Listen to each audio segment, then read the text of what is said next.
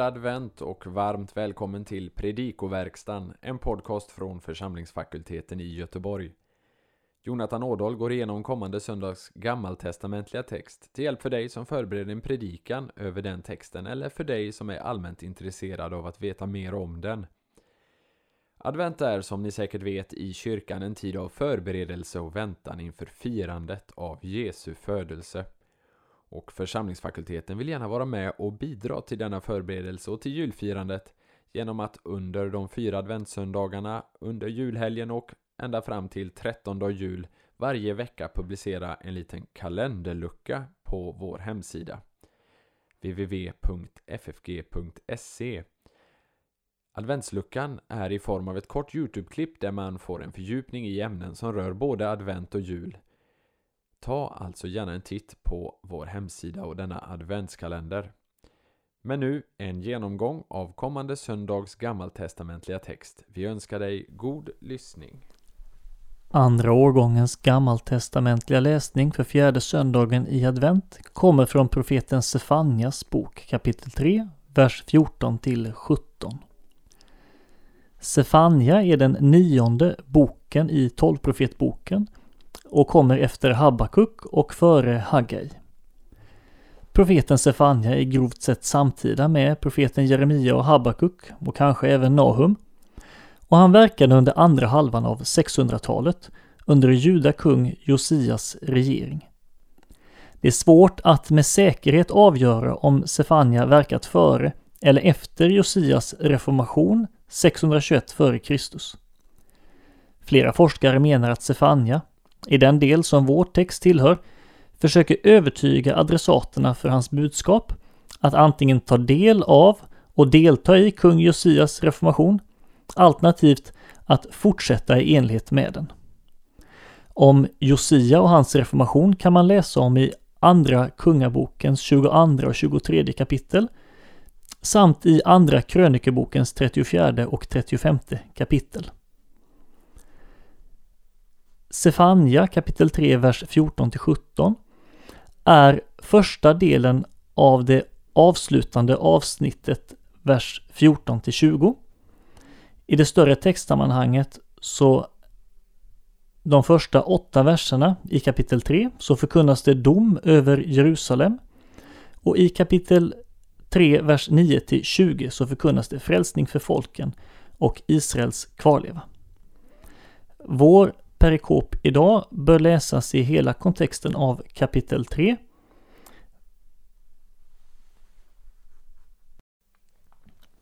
Vi läser texten tillsammans och översätter. Rani bat Tzion, Hari, O, Israel. Jubla dotter Sion. Jubla Israel. Båda verben här är olika ord för jubla eller ge glädjerop. Notera att det andra verbet är detsamma som vi läste i profeten Sakarjas bok i det nionde kapitlet. Simchi v olzi bechol lev bat Jerusalem. Var glad och jubla av hela hjärtat, dotter Jerusalem. Chesir Adonai Mishpataich. Herren har tagit bort dina domar, alltså domarna mot dig. Pina Ojevech han har vänt bort eller han har rensat ut din fiende. Melech Israel, Adonai Bekirbech, Israels kung, Herren är i din mitt. Lo Tirei Raod.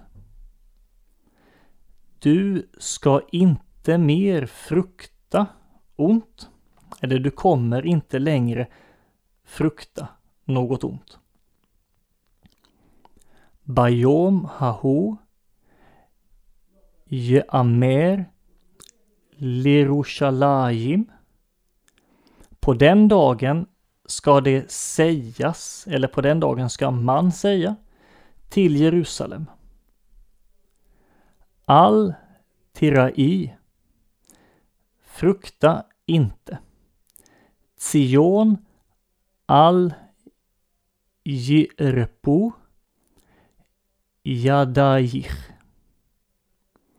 Sion, låt inte dina händer sjunka, eller låt inte dina händer falla. Adonai Elohayich Bekirbech Herren din Gud är i din mitt. Gibor Joshia En hjälte som frälser eller en hjälte som räddar. Yassis Alaich Besimcha Han gläder sig, eller han kommer glädja sig över dig med glädje. Yaharish Beahavaso Han är tyst eller han är stilla i sin kärlek. Yagil Alaich brinna. Han gläder sig över dig med glädjerop. Eller han gläder sig över dig med jubel. Några korta detaljkommentarer. Vers 14 innehåller fyra imperativ. Tre av verben står i kall imperativ, andra femininum singularis och har feminina subjekt, dotter Sion respektive dotter Jerusalem. Ett av verben står i hifil, imperativ andra maskulinum singularis och Israel är subjekt. I vers 15 så står händer i dualis och verbet som händer är subjekt till står i plural. I vers 16 så står det Jeamer. Det är i nifall, imperfekt. Det sägs, eller det kommer sägas. Eller man kommer säga, man säger. Passiv kan nämligen användas för att ge uttryck för konstruktionen det obestämda man. Man säger, man gör. I vers 17 har vi prepositionen all som markerar föremålet av intresse och anger i samband med perceptionsverb objektet. Perceptionsverb är verb som har med känslor och tänkande och seende, hörande till exempel. Verbet Yaharish är lite underligt i sammanhanget. Här står det i hifil, imperfekt, tredje maskulinum singularis, av verbet charash, som normalt sett betyder rista in eller ploga. Det kan också vara, röra sig om ett annat verb av samma rot, också då charash eller charesh, som i kall betyder vara tyst eller vara döv. Och i hifil betyder det också vara tyst alternativt göra tyst, alltså att tysta någon. Utgivarna av Biblia Hebraica föreslår i notapparaten, utan stöd i några hebreiska handskrifter, att man ska läsa dalet istället för resh, alltså istället för chet, resh, shin, så ska man läsa chet, dalet, shin. Och så gör man verbet till pl, alltså jöchadesh, som betyder göra ny eller förnya. Så läser till exempel Septuaginta och syriska Peshitta. Vi ska säga något om användningen av Sefania 3 i Nya Testamentet. Sefania 3, vers 14 och 15 anspelas eller citeras på några ställen i Nya Testamentet. Sefania 3, 14 citeras i Johannes 12, 15 när Jesus rider in i Jerusalem i kombination med Sakarja 9.9, Jesaja 35.4 och Jesaja 40, vers 9. Sefania 3.15 anspelas på i Matteus 27.42 och Markus 15.32 i samband med att de hånar Jesus och kallar honom för Israels kung. I Johannes kapitel 1, vers 49 så säger Natanael till Jesus Du är Israels konung.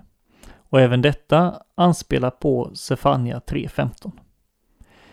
I Johannes 12.13 så ropar folket Välsignad är han som kommer i Herrens namn, han som är Israels konung. Några homiletiska perspektiv på den gammaltestamentliga texten. Fjärde söndagen i advent har som rubrik i nuvarande evangeliebok Herrens moder och det hade även föregående evangeliebok från 1983. 1942 års evangeliebok hade som rubrik Herren är nära. Och vi ser då att ingen direkt koppling verkar finnas till söndagens rubrik och tema i relation till andra årgångens gammaltestamentliga läsning. Det finns en närmare koppling till rubriken i 1942 års evangeliebok, även om den evangelieboken inte hade denna text från Stefania som text. Indirekt och i förlängningen så kan man tänka sig kopplingen till nuvarande evangelieboks rubrik på detta sätt. Maria, Jesu mor, är en israelitisk kvinna, en dotter av Jerusalem och Sion, i vilken Herren tog sin boning. Uppmaningen att prisa Herren utförs direkt av en Sions och Jerusalems dotter i Marias lovsång. Min själ prisar Herren, min ande jublar över Gud, min frälsare. Marias lovsång har i sin tur sin bakgrund i Hannas lovsång. Se första Samuelsbok kapitel 2, vers 1-10. Bildspråket i Sefania 3, 14-17 talar om Herren som domare, som krigare, som en kärleksfull älskare. Texten är en kallelse till glädje och den har många likheter med Sakarja 9, 9 som vi läste första advent. Texten skiljer sig tematiskt från andra adventstexter som rör sig kring temat omvändelse. I denna text så är nyckelverserna vers 15, där vi läste Israels kung, Herren är i din mitt. Och vers 17, Herren din Gud är i din mitt, en hjälte som frälser. Fokus ligger på Guds närvaro och hur han frälser. Uttrycket Herren som bor i dig eller Herren som är i dig, Herren är i din mitt, öppnar upp för kopplingar till både Jesus som barn i Marias mage och Jesus som Immanuel, Gud med oss, för sitt folk och för alla som är i Kristus. Textens poäng skulle kunna sammanfattas i att vi firar och jublar över det faktum att Gud är mitt ibland oss. Han är i vår mitt. Han bor ibland oss. Han är centrum för våra liv. Han har brutit in i vår verklighet i och med att han blev människa och bor ibland oss genom sina nådemedel. Detta är glädjande. Så hoppas vi att denna genomgång får bli till hjälp och välsignelse för dig som har lyssnat. På vår hemsida www.ffg.se kan du hitta information om hur du kan stödja fakultetens arbete, bland annat som genom den här podcasten. Ett sätt att stödja är att skänka en gåva genom Swish. Församlingsfakultetens Swish-nummer är 123 100 8457. Alltså 123 100 8457. Mottagaren som anges är Peter Isak Bens utbildningsstiftelse.